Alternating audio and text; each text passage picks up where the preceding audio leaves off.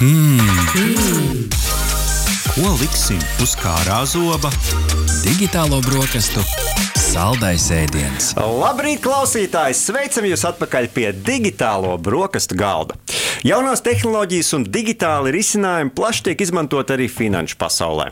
Tomēr arvien biežāk dzirdam par finanšu inovācijām, kas nāk nevis no bankām, bet tieši specializētiem finanšu tehnoloģiju uzņēmumiem, ko mēdz dēvēt arī par fintech. Kā nesenā pasākumā uzsvēra ekonomikas ministrs, Latvijā šobrīd strādā 118 finanšu nozares jaunu uzņēmumu, kas veido aptuveni vienu trešdaļu no visiem aktīvajiem Latvijas jaunu uzņēmumiem. Un šo uzņēmumu kopējais apgrozījums pārsniedz 500 miljonus eiro. Tā tad nu, gana nozīmīga nozare mūsu eh, jaunu uzņēmumu ekosistēmā un es domāju, ka ekonomikā kopumā. Par to, kas ir fintech un kādas ir perspektīvas šādu uzņēmumu attīstībai Latvijā, jautāsim mūsu šīs dienas viesiem. Un ar mums kopā ir Marina Krasovska Finanšu kapitāla tirgus komisijas Finanšu inovāciju departamenta direktore. Labrīt, Marinē! Labrīt visiem! Un arī Roberts Bernāns, Nordiģen līdzdibinātājs. Labrīt, Robert! Sveiki visiem! Kā arī Denis Filipovs, Tieto Evrī strateģiskās attīstības vadītājs. Labrīt! Labs, labs rīts visiem. Nu, Latvijā nereti eh, fintech uzņēmumi eh, plašākai sabiedrībai iespējams saistās ar aizdevumiem, bet tas noteikti nav tik šauri. Tas eh, spektrs ir daudz plašāks. Palīdziet mums saprast, Marinē, sāksim varbūt ar, ar tevi, kā, kādās kategorijās skatīties uz fintech, kas slēpjas zem šī iespējams plašā, plašā termina. Jā, šis ir tiešām ļoti, ļoti plašs jautājums. Kā, kā tu tikko minēji, ka kaut kur 118 uzņēmumi, kas aktīvi darbojas šajā jomā, bet nevajadzētu arī aizmirst, kas vispār ir fintech, un tā ir finanšu tehnoloģija. Proti, kas uzņēmums, kas lieto tās tehnoloģijas savā dzīvē un pielieto plaši, mēs varam uzskatīt, ka tas ir finanšu tehnoloģijas uzņēmums. Ja mēs paskatīties uz Latvijas fintech karti, mēģinot viņus kaut kā, kaut kā sadalīt, mēs redzam, ka ļoti, ļoti aktīvi mums attīstās kreditēšanas sektors, privātpersonu kreditēšanā. Mums ir uzņēmumi, kas strādā maksājuma jomā, ir uzņēmumi, kas strādā, piemēram, datu jomā vai regulatīvā jomā, bet tie saucamie rekteki, kas tieši palīdz citiem, gan fintech uzņēmumiem, gan tradicionāli bankas spēlētājiem, uh, veidot iekšējās inovācijas un veidot iekšējos procesus. Protams, mums ir jauns segments, kuru mēs nesen gan nolicenzējām, gan, gan arī attīstījām saistīts ar investīcijām. Visiem noteikti ir investīciju platformām pieredze, un tas ir arī viens no atzariem. Un proti, kur mēs vēlamies redzēt vairāk aktivitāti, mēs gribētu redzēt arī citus segmentos, piemēram, to saucamies insurtech, jeb tehnoloģiski, kas ir pielietots apdrošināšanas jomā. Un jāsaka, apdrošināšanas klienti un, un, un mūsu klienti, tā saucam, dalībnieki, biežāk un biežāk sāk adoptēt tās tehnoloģijas, un mēs redzam, ka viņu biznesa modeļi arī mainās. Tā kā es ieskicētu, ka ir kādi seši virzieni, kur šie uzņēmumi aktīvi darbojās. Jā, nu, finanšu tehnoloģijas ir arī viegli mērogojamas. Tā tas tiek raksturots. Un uh, Roberts Nordžens arī ir piemērs tam, vai ne? Un ko tas īsti nozīmē? Viegli mērogojams. Es domāju, tas ir ļoti saistīts ar to, kā šis pakalpojums tiek sniegts. Un es domāju, ka tas lielā mērā attiecās uz ļoti daudzajām tehnoloģijām vai servisiem, ka, kas nav fiziski jo tev vairs nav kā, fiziskā pasaule kā ierobežojums. Jā, tev nav jāmeklē klients tev blakus mājām, vai tavā pilsētā, vai tavā valstī caur internetu principā var sasniegt klientus visā pasaulē. Un mūsu gadījumā ļoti līdzīgi. Nordigens ir arī, mēs strādājam uh, visā Eiropā, vairāk kā 30 valstīs, un mēs to visu darām no Rīgas, Latvijas. Ja, kā, uh, un es domāju, ka tas ir kaut kas tāds, kas vieno ļoti daudz fintechus, ir tas, ka no pirmās, nu, lielā mērā arī vispār tehnoloģiju uzņēmums, ka no pirmās dienas tu jau domā par tādu uh, šo pakalpojumu visā pasaulē, nevis ļoti lokāli. Un tas ir veids, kā uztaisīt lielu uzņēmumu. Ja? Tad, izdomā ideju, kas ir piemērojama visā pasaulē. Un lielākā daļa, lielākie veiksmīgie fintech ir globāli uzņēmumi, vai vismaz es teiktu, tādi reģionu līderi. Ja? Reģioni, kas ir liela reģiona, kā Eiropa, Amerika, vai Dienvidamerika, vai Āfrika, vai Āzija, piemēram. Mm -hmm. Un tad, uh, Denis, man šķiet, ka tā tava loma šodienas sarunā ir, uh, mums ir uh, fintech uzņēmumi, kas, nu, kuriem ir savs produkts vai, vai servis, un tad ir uzņēmumi, kuri servisē vai taisa varbūt to, to saturu fintech uzņēmumiem visapkārt pasaulē. Kāda varbūt ir tava un tā uzņēmuma, varbūt tas, tas tā loma, tas tēls tie kopējā fintech spektrā? Tātad, kā no tirgus perspektīvas viedokļa, es gribētu norādīt, ka arī bankas ir diezgan progresīvas arī pie mums, Latvijā un Baltijā. attīsta inovatīvas uh, pakalpojumus priekš klientiem. Arī centrālās bankas, mm, uh, man bijusi darba vieta Latvijas Banka, manuprāt, ir arī ļoti progresīva uh, nodrošināt maksājumu pakalpojumus Latvijā. Un arī mēs, Tieto Evrī, kā trešās puses pakalpojumu sniedzēji, kā risinājumu izstrādātājs, vienmēr arī cenšamies nodrošināt mūsu klientiem, kas pārsvarā jāatzīst ir bankas iespēju būt, kļūt par tādiem fintekiem, jā, caur inovatīviem risinājumiem, caur moderniem karšu risinājumiem, maksājumu risinājumiem, risinājumiem priekš dažādu superlietotņu izveides. Un tā, piemēram, dažādos reģionos mums ir, nu, mēs novērojam arī, ka fintech attīstība ir ļoti dažāda. Un vietām, piemēram, Dienvidāzijā šo attīstību tiešām vairāk veido bankas, jā, tieši darbojoties ļoti aktīvi un veidojot diezgan negaidīts risinājums. Jā, tādas super lietotnes, kuras pagai, parasti mēs sagaidām Eiropā no fintechiem, tieši bankas attīsta tādas superlietotnes, kur ir plašs pakalpojumu lokus. Tu vari var nopirkt avio biļetes ceļojumu, jā, un to visu nodrošina banka. Un, un viena no tām ir, piemēram, lielāka Kazahstānas bankā, Kaspija banka, jā, kas ar mūsu risinājumu arī spēj to nodrošināt.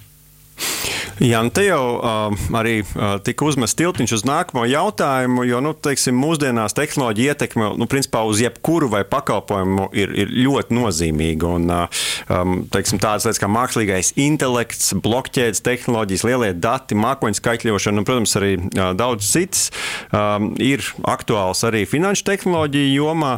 Un, uh, Marnē, kas varbūt no šī uzskaitījuma ir aktuālākais Latvijas fintech vidē? Vai mēs ar kaut ko izceļamies uz citu valstu fonu? Zonu, vai, vai varbūt esam kādā virzienā pat specializējušies, vai arī kopumā mēs strādājam ļoti līdzīgā virzienā, kā nu, teiksim, vairums šīs jomas pārstāv visā pasaulē. Nu jā, jā, protams, ja mēs runājam par tehnoloģijām, un uh, varam uzreiz atzīmēt, ka mēs katru gadu diezgan detalizēti pētām, kādā veidā un kādas tehnoloģijas visvairāk attīstās un kuros segmentos. To, ko mēs redzam, mēs tiešām redzam, ka, piemēram, Latvijā ļoti pieaug, strauji pieaug uh, makoņdatošanas tehnoloģijas pielietošana. Piemēram, piemēram, ja pagājušā gadā 14 tirgus dalībnieki, kas aktīvi darbojas finanšu tirgu, reportēja, ka viņiem ir, tas ir mērķis un viņi šo attīsta, tad šogad tie jau bija 37, kas ir diezgan liels un iespaidīgs tā kā, tā kā radītājs. Protams, API ļoti izplatīts vairākos sektoros, lielie dati, lielie dati arī pieaug, un ko mēs vēl no, varam redzēt, mainoties biznesa biznesa modeļiem, un proti lielākas kompānijas finanšu sektorā un, un visas mazas arī kompānijas un mazie uzņēmumi pāriet uz to attālinātu darba veidu. Un, proti, kopā ar to mainās arī iekšējais biznesa modelis. Piemēram, vairāk un vairāk pielietot biometrijas risinājumu. Ja mēs runājam par mākslīgo intelektu, man šī ir līnija. Šeit, protams, mēs gribētu redzēt lielāku izaugsmi. No otras puses, mēs redzam, ka šādas inovācijas arī pieprasa lielākas investīcijas. Bet, ja mēs varam paskatīties, piemēram, kuri tie ir tie lielākie attīstītāji vai kur visvairāk koncentrējas tās inovāciju, tas trends, jeb tā tendence, tad noteikti tas ir bankas un apdrošināšanas sektors. Es pilnīgi piekrītu, ka, jā, ka Latvijas bankas, komercbankās īpaši ir ļoti, ļoti inovatīvas, ja mēs salīdzinām ar tradicionālām, parastām, vidējām Eiropas bankām, tāpēc, ka tomēr mēs sākam banku sektoru attīstīt nesen. 20 gadi tas nesen salīdzinājumā ar to, kā Eiropa bankas tirgus attīstījās. Un, protams, mums bija iespēja uzreiz ņemt labākas platformas, labākas tehnoloģijas un, un, un, un kas bija svaigāks tirgu.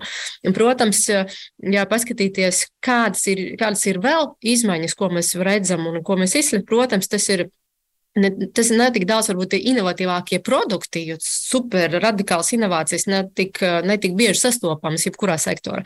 Bet mēs ļoti izcelamies ar to, kas ir mūsu inovatīvs process. Tas ir iekšējo procesu pārkārtošana, lai aizietu uz to pilnību digitālo biznesa, biznesa modeli. Un šeit jāsaka, ka mums ir apdrošināšanas brokeri ļoti izcilās Latvijā. Pēc tam nu, mums ir bankas, apdrošināšanas kompānijas, un pēc tam tikai, piemēram, investīcijas kompānijas, kuras nesen arī ieguvuši uh, savu tādu regulatīvu tvērumu, kur attīstīties. Tā kā cloud service tas ir numur viens Latvijā, ko mēs šobrīd redzam. Un runājot, piemēram, par mūsu organizāciju, ka regulātors, mēs paši šobrīd ejam cloudā. Mēs arī ejam makoņu datošanā, un mēs redzam, ka tur ir ļoti liels perspektīvas, jo tas dod tiešām uh, neaptveramas iespējas strādāt pavisam citā kvalitātē un ātrumā. Mm -hmm, Robert? Es, es varbūt piebilstu, ka skaidrs, ka um, jaunu uzņēmumu kā tādu grupu, ja, vai jaunie fintech noteikti ir uzņēmumu grupa, kas ir āt, kas ātrāk adoptē jaunās tehnoloģijas un kas, kas meklē jaunus risinājumus jaunām tehnoloģijām. Bet es gribētu teikt, ka tehnoloģijas pašas par sevi jau nepadara veiksmīgu fintech. Jā. Varbūt ir kaut kādi izņēmumi, bet es teiktu, ka lielā mērā labākie fintech ir tie, kas ir sapratuši kaut kādu klientu sāpi, ko nerisina varbūt tradicionāli bankas. Jā. Nu, teiksim, ja mēs skatāmies uz tām visām aizdevumu pusēm vai investīciju pusēm, jā. investīcija piemērs ir ļoti labs. Jā, tu kā privātpersona, ja tu neesi ļoti turīgs, tad investīcijas īstenībā tā nav pieejama lieta. Kā, tas, ko fintech dara, ja, viņi spēja saprast, ka šī grupa ne, nevar piekļūt šādam pakalpojumam, un mēs varam izdomāt, kā to izdarīt. Un dažkārt izmanto ļoti gudras tehnoloģijas, lai to darītu, bet dažkārt es teiktu, ka tu esi vienkārši ļoti atapīgs, lai saprastu, ka ir kaut kāda tāda tirgus nepietiekamība, ko tu vari kā tāds jauns uzņēmums ienākt iekšā un servēt, kur tādi lielie milži varbūt neskatās uz tām um, tādām mikrokomunām, kuras dažkārt īstenībā pat ir ļoti lielas. Um, jā, tā tad uh, nu, mēs varam teikt, ka pievērsīsimies varbūt vairāk tieši jā, arī turpināsim par Latviju. Un, un uh, Marinē, nu, skaidrs, ka Eiropā Skandināvija ilgstoši tirgus attīstās. Jā, nu, mums ekosistēma tomēr ir salīdzinoši jauna, kā jau tu minēji, bet tā ir ļoti dinamiska. Uh, kas varbūt ir tie galvenie šo ekosistēmu ietekmējošie faktori? Jā, kāpēc mums uh, veicas, vai tieši otrādi, varbūt kāpēc mēs uh, uh, atpaliekam? Un tad mēs, mēs varam uzskatīt, ka, uh, nu, ka teiksim, uh, mēs esam attīstīta fintech ekosistēma un konkurētspējīga Eiropas un pasaules līmenī šajā jomā, vai tomēr, vai tomēr mums vēl ir daudz kur augt? Noteikti mums ir vēl daudz, kur augt, bet no otras puses, jā, Latvijas fintech sektors arī vēl ir jauns. Tas attīstīsies kaut kāds pēdējo 15, 10 gadu laikā, kad mēs tieši ieraudzījām pirmas pazīmes, ka, jā, ka mēs to varam darīt. Es varu uzreiz minēt, ka Latvijā vispār ir ļoti labi bija priekšnosacījumi, lai šādu tipu biznesu attīstītu. Pirmkārt, mums ir ļoti veiksmīgs un ļoti efektīvs startup likums. Mums ir valsts atbalsts atkal jauniem uzņēmumiem, kas vēlās attīstīties un kas vēl piesaistīt, piemēram, teh talantus. Mums ir ļoti laba nodokļu likumdošana, kaut gan mums par to diezgan reti, kad runā, bet jā, mēs detaļās iesim un paskatīsimies, Latvijā tiešām tas ir izdevīgi. Bet kopumā, ja es vērtu ekosistēmu, tie elementi, kas būtu galvenie un kāpēc varbūt mēs nebijām tik aktīvi kādus iepriekšējos gadus, tāpēc, ka mums vajadzēja Latvijā sakārtot finanšu sektoru. Un uh, to vajadzēja izdarīt, sekoši mums vajadzēja iziet ārā no visiem uh, sarakstiem, kas ir saistīts ar AML, mums vajadzēja izdarīt finanšu tirgu un mums vajadzēja sākt pēc tam strādāt no baltas lapas. Un viss pilnībā fokus mums arī bija to, kā labāk mēs varam sakārtot un pacelt AML AML kvalitāti pavisam citā līmenī. Kas ir AML tagad, tiem, kas nezina? Jā, AML tas ir anti-money laundering, jeb mm -hmm. naudas atmazgāšanas riski, mm -hmm. un mēs gribējām tos minimizēt, un viss valsts sektors praktiski ar šo tikai strādāja. Un tāpēc uz attīstību varbūt nebija tik daudz atvēlēts laiks.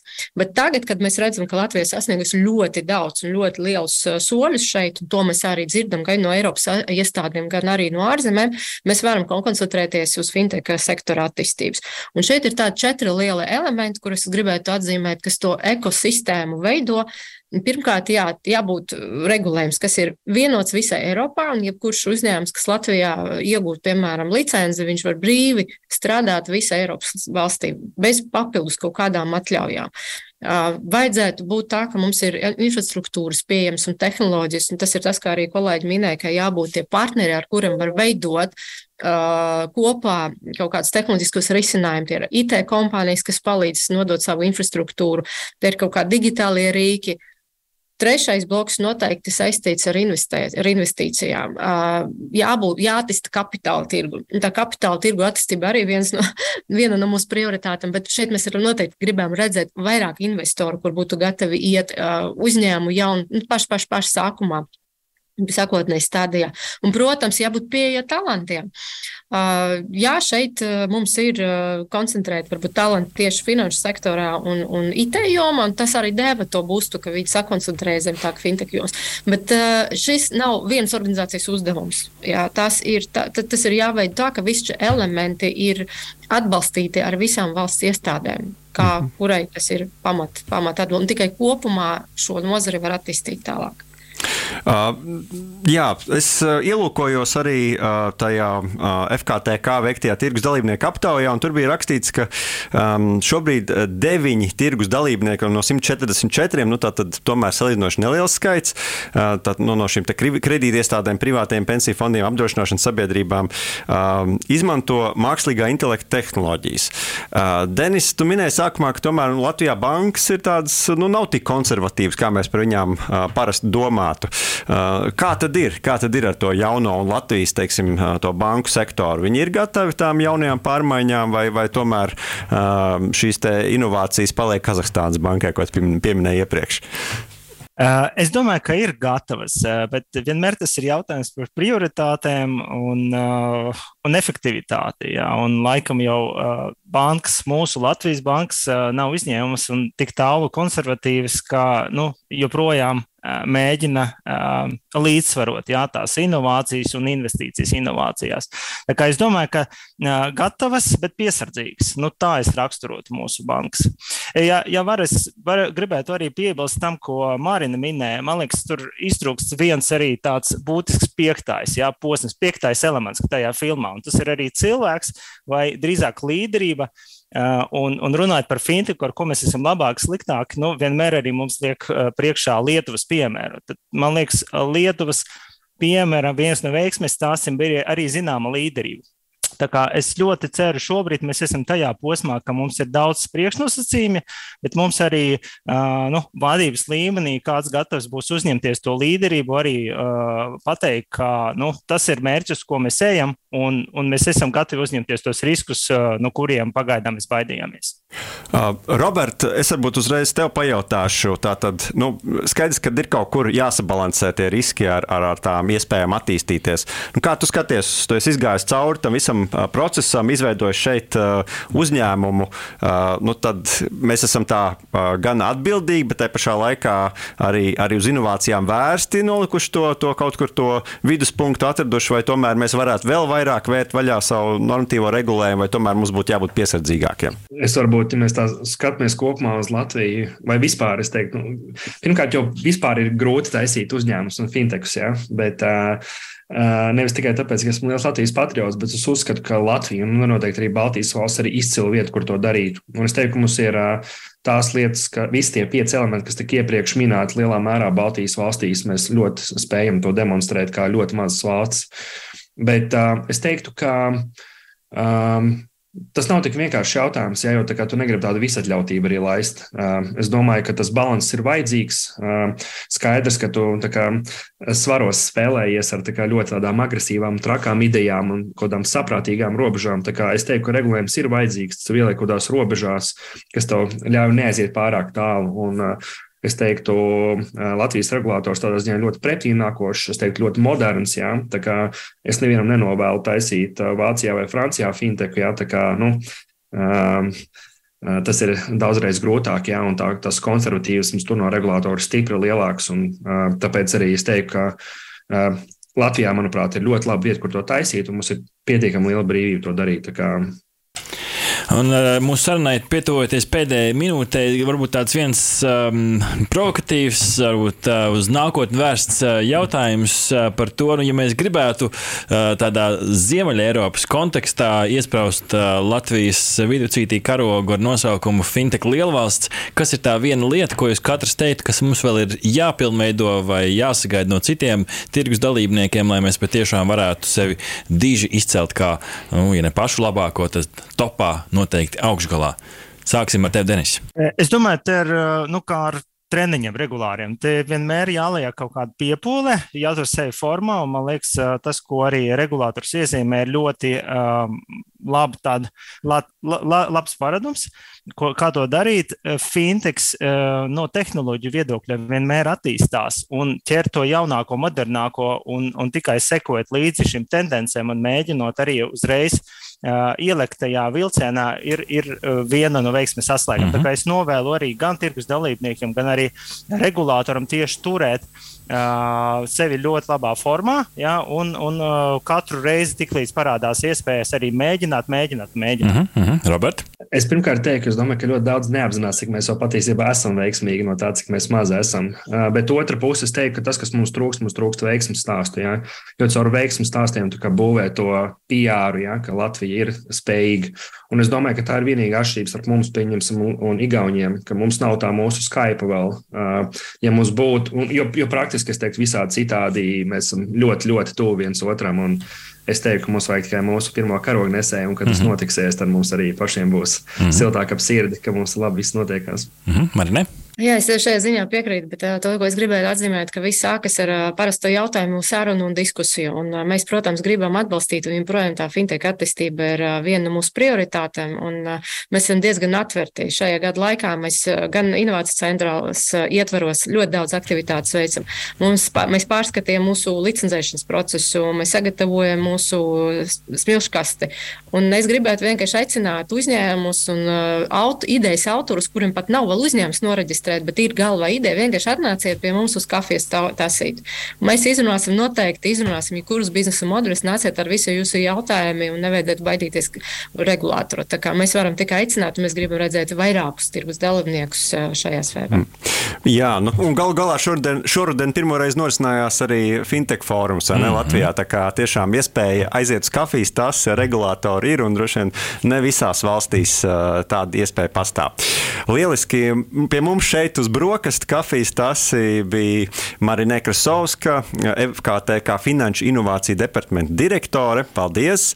Arī Roberts Barnāns, līdzdibinātājs Nordigen uzņēmumam un Denis Filipovs, Tietu Evrijas strateģiskās attīstības vadītājs. Paldies jums, ka bijāt kopā ar mums šorīt.